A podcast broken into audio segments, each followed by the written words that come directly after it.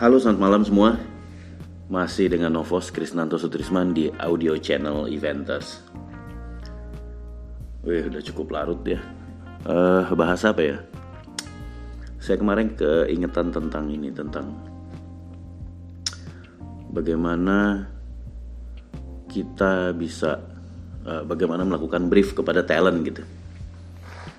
Jadi kalau event itu kan Pasti ada konten talent ya biasanya event itu yang biasa kita kerjakan adalah event-event yang based on order gitu. Jadi berdasarkan pesanan. Melewati satu proses tender atau pitching dengan klien kemudian uh, akhirnya berkesempatan kita menang dalam pitching kemudian kita deliver eventnya. Nah itu kan biasanya event-event itu ada pesan ya. Ada pesan yang kuat dari brand uh, perusahaan si klien gitu which is itu biasanya Eh, brand-brand yang sedang memang dipasarkan.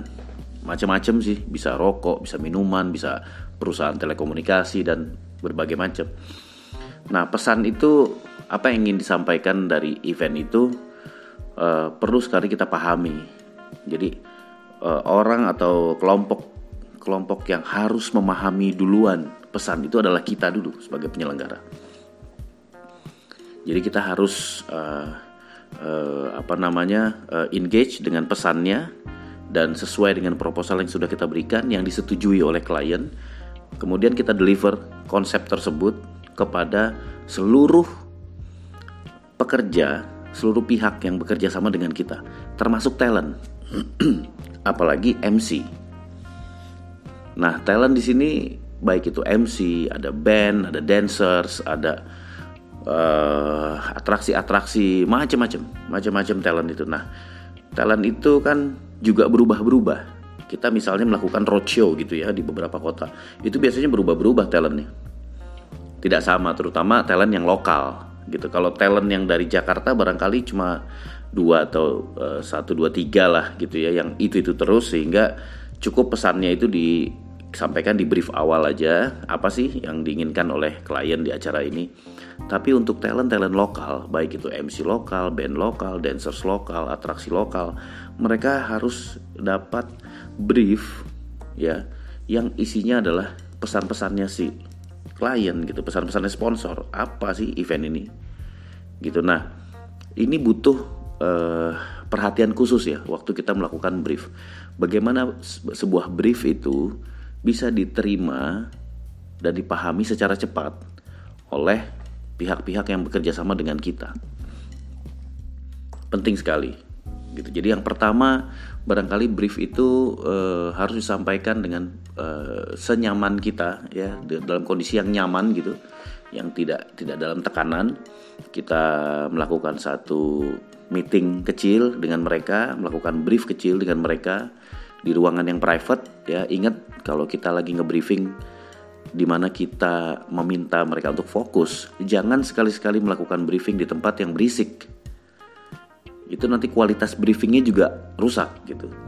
Jadi masuklah di tempat ruangan yang tenang, kemudian tersedia perangkat yang cukup untuk kita melakukan briefing itu. Contoh misalnya kita harus menyampaikan petunjuk pelaksanaan acara ya juklak yang berisi konsep sampai teknis gitu dengan PowerPoint dan dengan projectors kita proyeksikan di screen. Kemudian sound sistemnya juga harus disediakan. Ya nggak usah besar-besar mini sound aja tapi kita bisa kedengaran loud and clear gitu ya. Jadi tidak ada salah pemahaman menyampaikannya semua dimengerti dengan baik. Kemudian kita juga harus ada whiteboard barangkali dengan uh, spidol uh, yang lengkap sehingga kita bisa juga melakukan uh, apa simulasi dengan tulisan itu memperjelas dan lebih interaktif sifatnya gitu. Nah, briefing itu disampaikan dengan baik ya mengingat bahwa uh, Indonesia ini kan kotanya banyak ya, berbagai macam karakter orang, berbagai macam suku uh, yang berbeda-beda sehingga uh, briefing itu harus disampaikan juga dengan kita adalah tamu di situ. Kita harus bersikap kita tuh sebagai tamu di kota itu. Jadi kita harus mengakrabkan diri dulu kita yang lebih dulu memberikan salam kepada mereka, kita yang mengakrabkan diri dulu, barangkali kita sedikit ada uh, makan dulu dengan mereka gitu ya, sehingga mereka accept gitu mereka mau menerima kita untuk menjelaskan dengan baik dan mereka uh, bisa paham ya. Nah di sini ada hal-hal yang uh, biasanya saya suka lakukan yaitu apa? Yaitu saya sedang melakukan transfer uh, knowledge gitu saya sedang melakukan transfer knowledge sebenarnya kepada mereka itu nah transfer knowledge ini uh, adalah seperti misalnya prinsip-prinsip bagaimana cara kita bekerja. Ini adalah konten-konten belajar sebenarnya buat mereka. Konten value-nya value belajar. Kita juga belajar. Apa sih yang kita pelajari? Yang kita pelajari adalah sikap mereka, bagaimana mereka bekerja, respon-respon yang kita dapat. Itu semua adalah pelajaran juga buat kita. Ya, eh, pasti mereka punya keunikan-keunikan. Di daerah pasti ada hal-hal yang berbeda dengan kita. Itu kita tangkap sebagai pelajaran. Nah, uh, kita sampaikan mulai dari konsep dan apa sih keinginan klien. Kita harus sampaikan apa ukuran sukses event tersebut. Mereka harus mengerti ukuran suksesnya apa gitu. Jadi jangan kita dengan sistem tunjuk tangan ya one man show lo ikutin gue aja jangan begitu jadi kita harus ngasih tahu mereka bahwa event ini ada ukurannya gitu ada measurementnya di mana sih, di titik mana sih event kita akan dinilai sukses oleh klien, nah, itu harus disampaikan. Sehingga untuk pencapaian kesuksesan itu, kita butuhkan mereka bekerja sama dengan kita. Jadi ajakannya adalah, yuk kita sukseskan bersama. Tujuan dari event itu. Ya bukan karena logo bayar atau hal-hal yang seperti itu. Buat saya saya nggak pernah nggak pernah menggunakan hal, hal tersebut gitu. Karena hal-hal itu ya kita sudah harus bereskan sebelum acara ya. Kita sudah harus bereskan sudah deal duluan. Sehingga yang di situ kita lakukan udah bukan itu lagi tapi lebih kepada menularkan passion uh, apa uh, menularkan atau membangun nyawanya event gitu ya uh, sehingga tujuan-tujuan event itu tercapai secara bersama-sama jadi yang sedang kita uh, tularkan kepada mereka adalah bagaimana mencapai sebuah prestasi gitu. Selalu itu ukurannya, selalu itu. Prestasi kita adalah apabila ini sukses. Apabila ini sukses, maka uh, klien kita akan juga puas.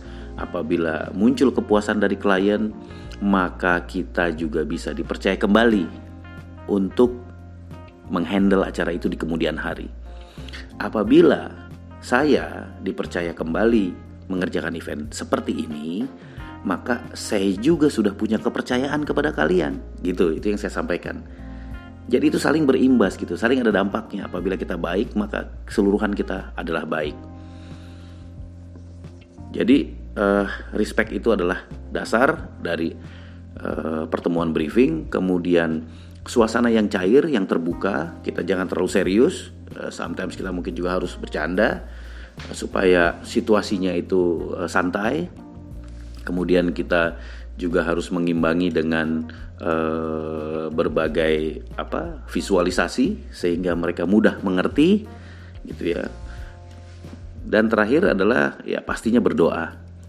Itu adalah hal yang mutlak biasanya saya harus lakukan setelah kita melakukan sebuah uh, briefing. Nah, briefing-briefing yang terjadi di kota itu biasanya dilakukan sekitar Hamin 7 atau paling telat Hamin 5 lah, Hamin 4 gitu ya. Nah, di situ kita biasanya setelah briefing, kemudian apa yang kita lakukan kepada seluruh tim yaitu kita mengunjungi venue bersama-sama. Kita tour ke venue ya Nah, kalau kita ada perangkat uh, toa gitu ya speaker kita bisa bicara kita bicara sambil kita jalan bahwa di sinilah letaknya panggung di sinilah letak pintu masuk bagaimana flownya orang bagaimana titik-titik tenda ada di mana gitu nah ini briefing ini tidak terlepas dari keberadaannya para talent di dalam forum briefing itu nah khusus untuk briefing talent ada hal-hal yang barangkali harus disampaikan secara lebih detail contoh misalnya fasilitas yang mereka dapat apa saja. Rundown yang mereka terima harus dijelaskan secara rinci. Kalau perlu ditandai dengan stabilo, dengan spidol dan sebagainya. Kemudian kita harus juga memberikan uh, ilustrasi atau gambar panggung yang akan kita buat itu seperti apa. berapa ukuran panggungnya, berapa besar sound systemnya, seperti apa bentuk lightingnya. Itu semua harus diberikan keterangan itu harus diberikan seluas-luasnya kepada talent atau pengisi acara atau performer yang ada di acara kita sehingga dia paham secara teknis dia akan paham oh saya akan naik ke atas panggung setinggi 1,2 dengan lebar misalnya 12 tinggi ke depannya panjang ke depannya adalah 10 kemudian di depan saya ada barikade sehingga saya tidak bisa interaksi dengan audiens secara baik. Jadi saya hanya one way communication. Karena nggak mungkin artis atau band konser band itu salaman sama audiens sama penonton tuh nggak mungkin kecuali penontonnya naik ke atas panggung gitu. Jadi hal-hal tersebut diberikan kepada uh, talent gitu ya brief itu. Fasilitas-fasilitas juga harus disesuaikan dengan uh, panduan riders yang mereka berikan kepada kita. Biasanya para talent ini memberikan riders ya. Memberikan riders kemudian ridersnya itu kita jawab. Kita sebutnya adalah counter riders. Counter riders itu untuk menjawab barang-barang atau hal-hal apa pun yang mereka minta. Ada ada yang bisa kita siapkan ada yang tidak Apabila ada hal yang tidak bisa kita siapkan, maka kita akan menggantinya dengan hal yang lain. Contoh merek minuman misalnya. Mereka akan minta merek minuman tertentu, tapi di kota itu mungkin nggak ada, sehingga kita harus replace dengan uh, merek minuman yang lain, dan itu disampaikan sebelum event kepada talentnya. Nah, khusus untuk uh, sebenarnya tentang briefing itu masih banyak nanti saya ulas lagi di episode berikutnya ya khusus yang uh, uh, membahas riders misalnya tapi untuk yang MC, MC ini kita harus tahu bahwa dia adalah uh, frontlinernya event dan MC adalah frontlinernya uh, acara ini, which is ini adalah dia sebagai frontlinernya klien.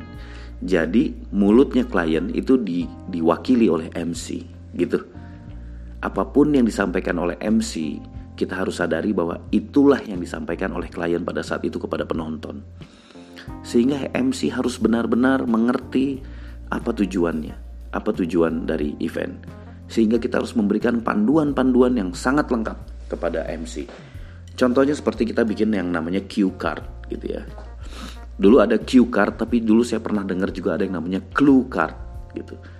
Jadi kalau clue card itu dulu kita hanya memberikan pointing di dalam lembaran-lembaran uh, kertas itu bentuknya tulisan besarnya setengah A4 biasanya. Tapi kalau cue card itu lebih detail jadi script, scripting gitu apa yang harus mereka baca. Nah, sekarang sudah tidak ada lagi istilah clue card itu sekarang cue card semuanya. Oke, cue card itu memang panduan yang dibuat sesuai dengan urutan rundown. Jadi nomor satu apa, nomor dua apa itu ada cue cardnya. Nah, cue card ini itu yang bikin adalah kita, stage management. Ya, stage management setelah mempelajari rundown maka harus membuat cue card. Tapi yang unik di Indonesia ini beberapa MC ya manajemennya MC itu dia yang membuatkan cue cardnya dan kita yang merevisinya. Tapi kalau saya ya pengalaman saya adalah sayalah yang bikin cue cardnya kitalah tim stage management yang bikin cue cardnya.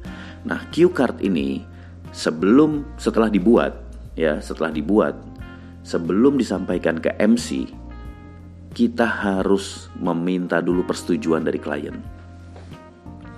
Biasanya persetujuan apa meeting untuk membahas tentang cue card itu pada Hamin 2 di kota tujuan.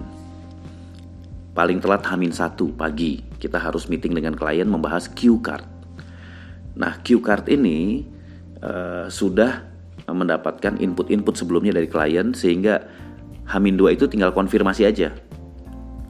Contoh ya misalnya ada hal-hal barangkali ya ada salah penyebutan nama brand, ada salah penyebutan uh,